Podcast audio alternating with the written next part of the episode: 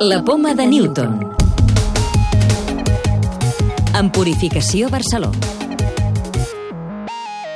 Avui volem saber més coses de la teoria de la relativitat, què és i quines aplicacions té en la nostra vida quotidiana. Principis bàsics de la teoria. No hi ha cap punt fix a l'univers. La velocitat de la llum és invariable. Amb el moviment canvia l'espai i també el temps. De fet, hi ha dues teories, l'especial formulada per Einstein i la general que inclou la física quàntica, però per què són tan importants? Alfred Molina, físic de la Universitat de Barcelona. Canvia aquest uh, concepte de l'espai-temps clàssic que tenim, perquè la figura d'Einstein l'ha fet molt popular. Uh, Einstein ha estat un dels primers físics coneguts de la història, així per tot el gran públic. També podria ser perquè la teoria especial de la relativitat té fórmules molt senzilletes que qualsevol persona amb un mínim de formació de matemàtiques es pot entendre. I què ens aporten les teories de la relativitat? Han contribuït a una nova era de l'energia i de la interpretació de l'univers i fins i tot el disseny d'aparells tan quotidians com el GPS. Si no compte els correccions de la relativitat als rellotges, que la freqüència dels rellotges canvia i per tant doncs el temps va diferent, tindríem cada dia unes diferències entre el que determina el GPS i la posició real dels eh, cossos d'uns 11 quilòmetres. És a dir, que seria impossible d'aplicar el GPS. En canvi, si es fan les correccions relativistes dels rellotges, aquest canvi del temps que aporta la realitat especial i la general, doncs aleshores les eh, distàncies en un dia pues, es determinen amb una precisió d'uns metres.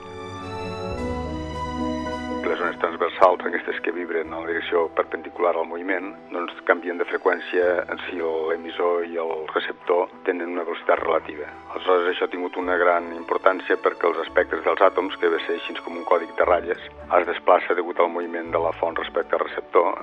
I, per exemple, ens ha servit perquè hi hagi ara un, una gran acceptació que l'univers nostre s'expandeix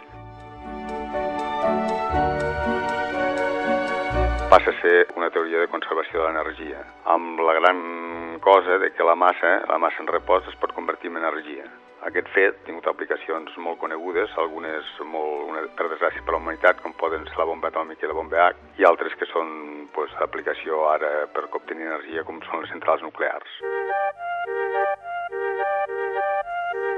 Avui també us comentem que l'Institut de Recerca Biomèdica de Bellvitge i l'Institut d'Investigació de Ciències de la Salut Germans Trias i Pujol han desenvolupat un nou test genètic per detectar gens associats a importants trastorns neurològics i degeneratius. El test, el més ampli a nivell mundial, permet seqüenciar fins a 285 gens i estudiar la seva relació amb un important grup de malalties, entre elles el Parkinson. Una nova teràpia experimental potenciada pel CSIC redueix en un 90% les metàstasis del melanoma pulmonar. La teràpia consisteix en inhibidors d'un enzim important en el desenvolupament d'aquest tipus de tumor. El tractament s'ha provat amb èxit en ratolins. Investigadors de l'Institut de Ciències de l'Espai aconsegueixen interpretar com es comporten les grans tempestes de Saturn. L'estudi explica que els forts vents de 500 km per hora que generen a Saturn s'originen en les capes inferiors de l'atmosfera del planeta.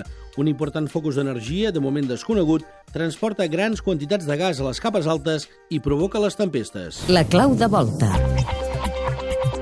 Què és una taca solar? Jordi Isern, astrònom de l'Institut de Ciències de l'Espai. Les taques solars són zones de la superfície del Sol on, degut al camp magnètic, la temperatura és més baixa i per això la veiem més fosca.